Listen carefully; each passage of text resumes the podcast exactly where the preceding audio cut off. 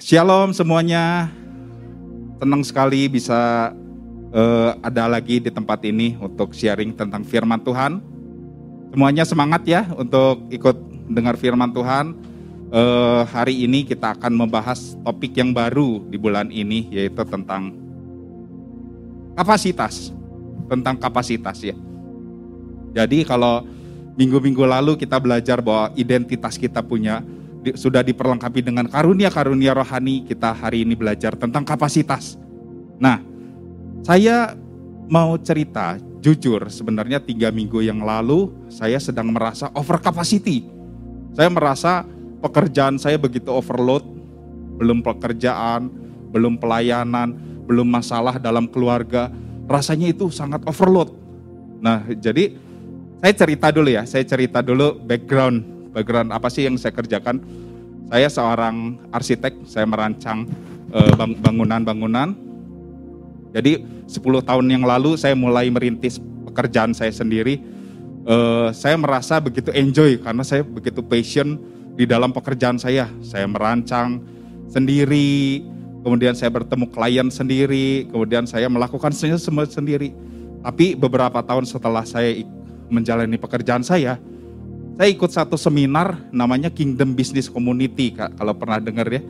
Jadi di seminar itu di retret tiga hari itu saya dipanggil Tuhan untuk visi yang lebih luas daripada tentang diri saya sendiri.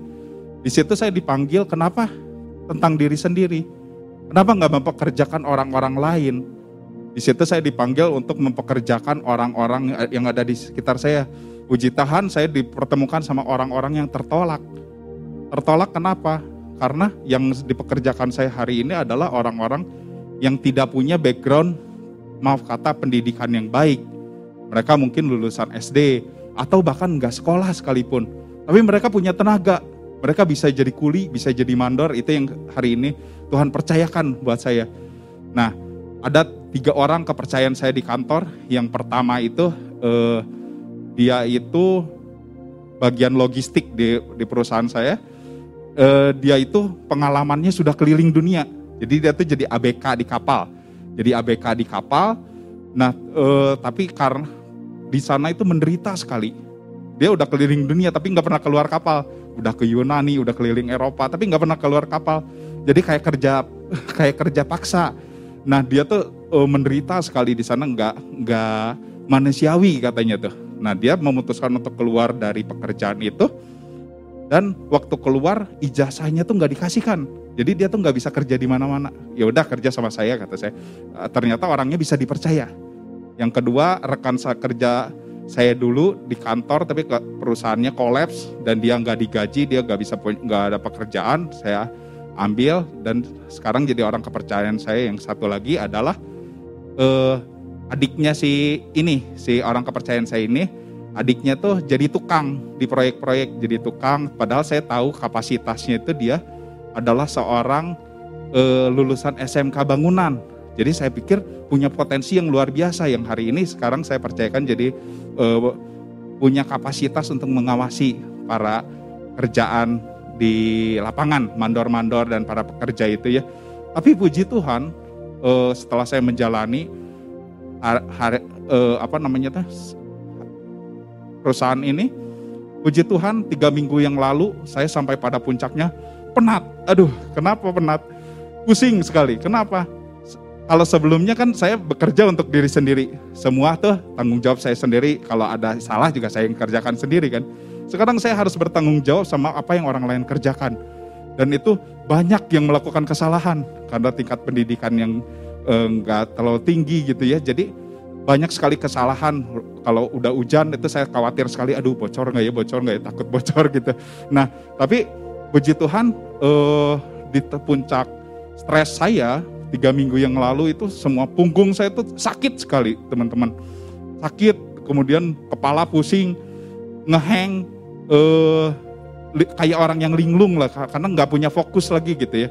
Nah saya PA lah sama sama Adi dan Daniel ada nggak Adi dan Daniel di sini? Oh itu Adi. Nah, nah Daniel itu cerita, eh, eh, saya sharing tentang masalah ini. Daniel ngomong, kok kenapa nggak lakukan apa yang kau suka katanya. Oh bener juga ya, saya kan suka nyetir lama-lama gitu ya, suka nyetir jauh-jauh. Eh, saya hari itu ngambil waktu saya rekreasi dulu lah. Nah, puji Tuhan, hari itu Tuhan ingatkan saya juga satu firman Tuhan dari Amsal, yaitu hati yang tenang itu menyegarkan tubuh. Jadi kuncinya adalah hati yang tenang dan akhirnya Tuhan pulihkan. Tuhan kembalikan ke masa lalu di mana saya dipanggil Tuhan untuk sebuah visi untuk menceritakan Kristus lewat pekerjaan saya untuk mempekerjakan orang-orang lain. Itu Tuhan kembalikan saya refresh kembali bahwa kamu dipakai Tuhan untuk kapasitas yang lebih besar gitu. Nah, jadi bersyukur hari ini yang berdiri di depan teman-teman bukan orang yang superman, punya kapasitas untuk melakukan banyak hal, tapi orang yang masih belajar terus untuk kapasitas dan bersyukur Tuhan ajarkan saya tentang kapasitas itu ya. Jadi kita lihat bahwa minggu lalu kita belajar tentang identitas bahwa di dalam kita itu ada identitas lebih dari pemenang. Quotes yang saya catat dari Bang Joshua, firman Tuhan yang dibagikan itu luar biasa, memberkati dan mengingatkan kita semua, kita tuh punya identitas lebih dari pemenang. Tapi kalau kata Bang Joshua kemarin, kalau percuma kalau kita punya tahu identitas kita, tapi kita tidak punya namanya kapasitas. Terima kasih nanti Bang Joshua untuk uh, pengantar yang baik. Jadi hari ini kita mau belajar apa sih itu kapasitas. Kapasitas itu kalau menurut menurut Wikipedia artinya itu daya tampung atau ruang yang tersedia atau kemampuan yang maksimal. Itu menurut Wikipedia ya. Jadi uh, kalau teman-teman bayangkan kapasitas itu air. Kalau air misalkan di dalam botol mineral itu punya kapasitas kan 600 mili atau 1 liter kan atau file di dalam USB ya itu punya kapasitas kan 1 gigabyte 1 terabyte atau orang-orang di luar di ruangan ini ada kapasitas eh, 100 orang 150 atau kalau dipenuhin 500 orang bisa masuk ya kalau lebih dari itu udah melebihi batas over capacity ya jadi kapasitas ini tentang apa? Tentang batas sebetulnya. Tentang batas kemampuan maksimal yang kita bisa miliki. Itu yang dunia ini ajarkan tentang kapasitas. Bagaimana sih sebenarnya desain awal kita?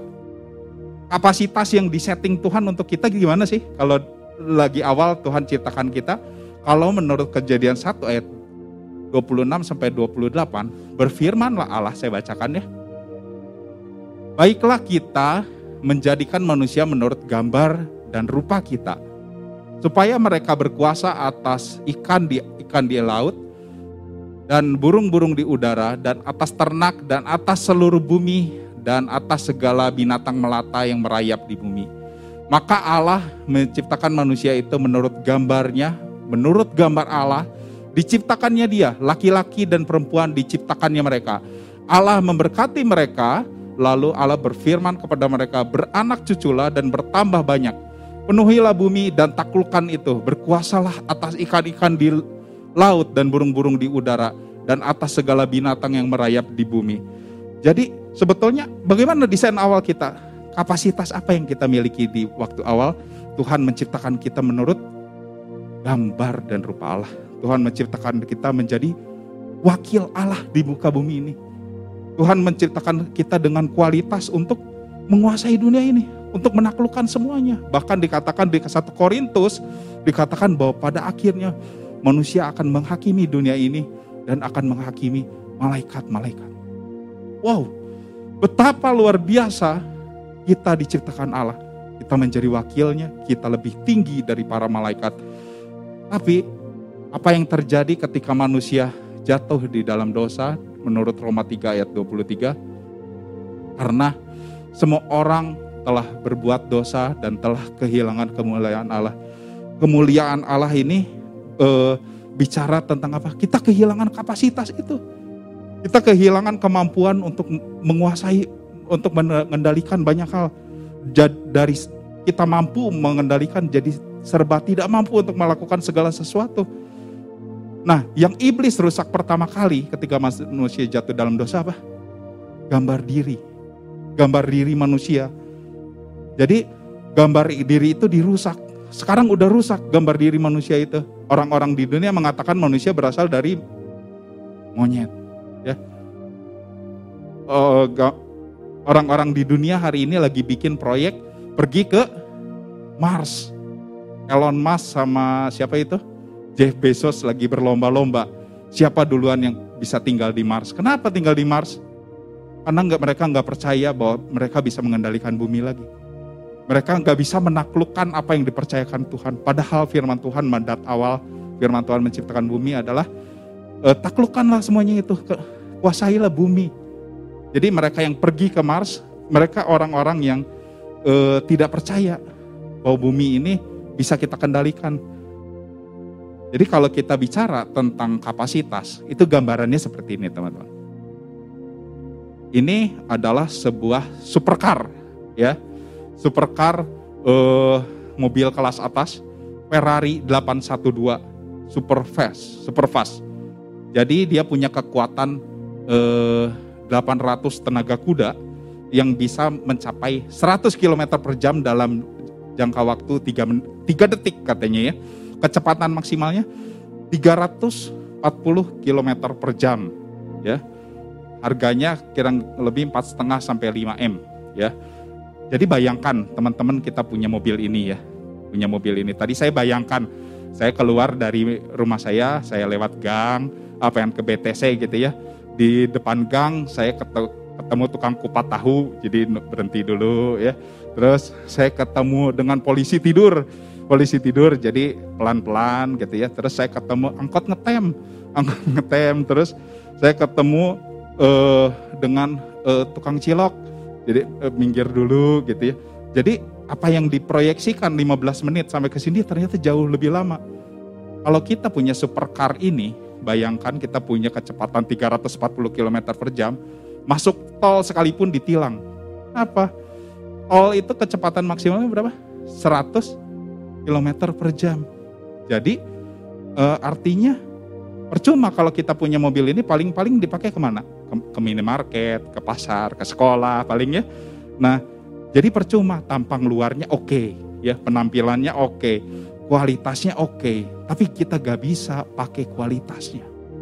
Ini yang disebut dengan ada satu kata kapabilitas yang berasal dari kata kapasitas dan ability, capacity and ability. Artinya e, bukan cuma kapasitas yang kita punya, tapi kemampuan untuk menggunakan kapasitas itu. Jadi kalau kalau di dalam Oxford dikatakan bahwa having the ability, fitness and quality necessary to do uh, achieve a specified thing. Jadi untuk melakukan hal-hal yang spesifik.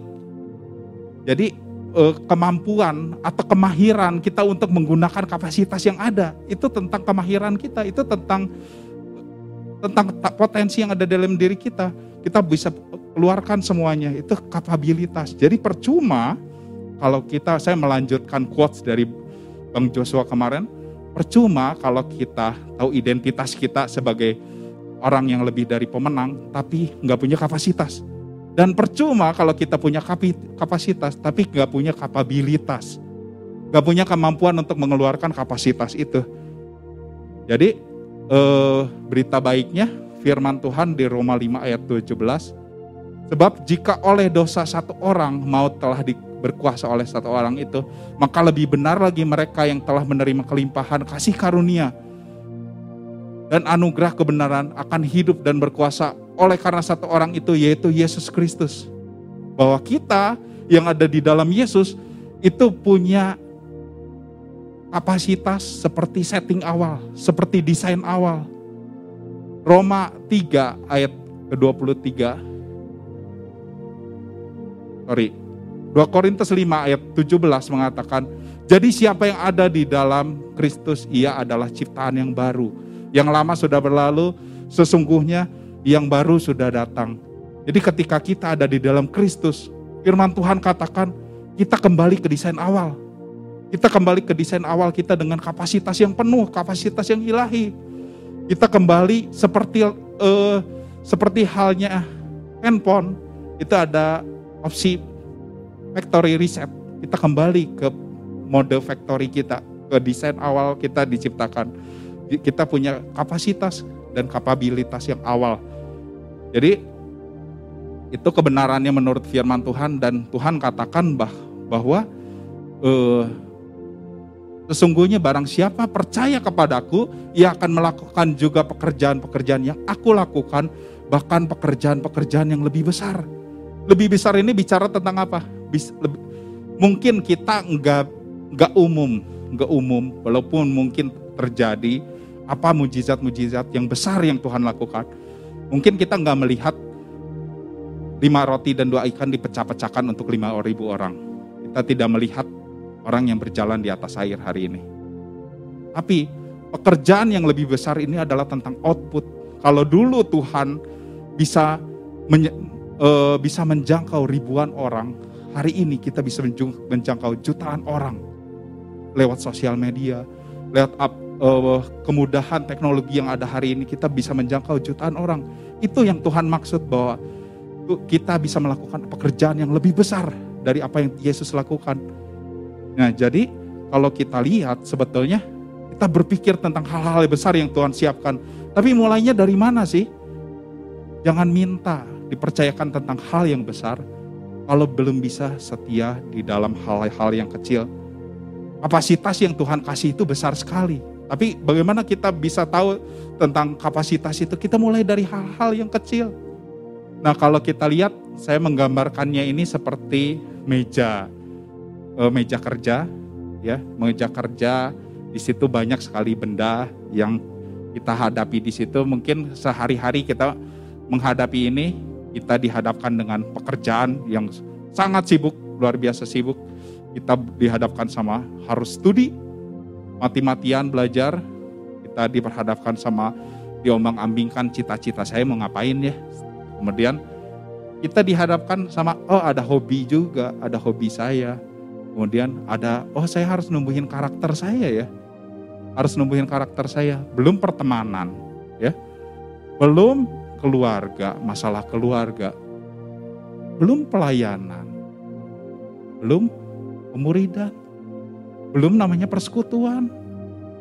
Belum namanya doa. Doa itu terdiri dari beberapa doa pribadi, doa untuk korporat ya.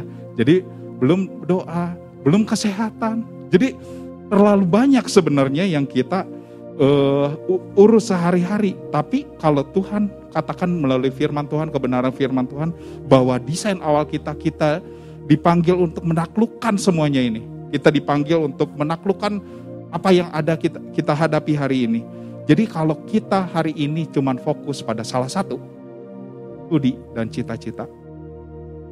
Itu bukan sebuah hal yang membanggakan. Bagaimana dengan pelayanan kita? Bagaimana dengan keluarga kita? Bagaimana persekutuan kita? Pemuridan? Bagaimana dengan doa? Makin besar kapasitas seseorang, dia bukan berpikir tentang dirinya sendiri, tapi dia mulai berpikir tentang orang lain. Itulah sebenarnya yang Tuhan panggil kita semua kita bisa menaklukkan semuanya ini. Jadi kalau uh, ada sebuah perumpamaan yang ditulis di dalam uh, Matius 25 yang seorang tentang talenta. Ya kita semua tahu perumpamaan ini ya, saya bacakan lagi ayatnya. Yang seorang diberikannya lima talenta, yang seorang lagi dua, yang seorang lagi, lain lagi satu, masing-masing menurut kesanggupannya, lalu ia berangkat. Kalau kita lihat ya, apa yang dunia ini ajarkan bahwa karunia bahwa kapasitas kita itu terbatas. Apa yang firman Tuhan ajarkan kok beda ya? Kalau firman Tuhan uh, ajarkan kalau kita uh, orang yang hamba yang punya satu talenta, dia menyimpannya dan dia nggak mengembangkannya, Tuhan kan nggak berkenan ya. Tapi yang punya dua dan lima mengembangkan talenta itu, Tuhan kok tambahkan lagi. Tuhan kok tambahkan lagi.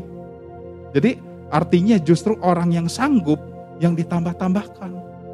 Orang yang merasa dia nggak sanggup, justru Tuhan nggak nggak tambah-tambahkan. Justru orang Tuhan mengkritik orang-orang seperti itu ya jadi saya kemarin diberkati sekali oleh seorang hmm, saudara saya di persekutuan, di persekutuan kita gak usah sebut namanya, kita eh, sebut saja dengan inisial Marvel.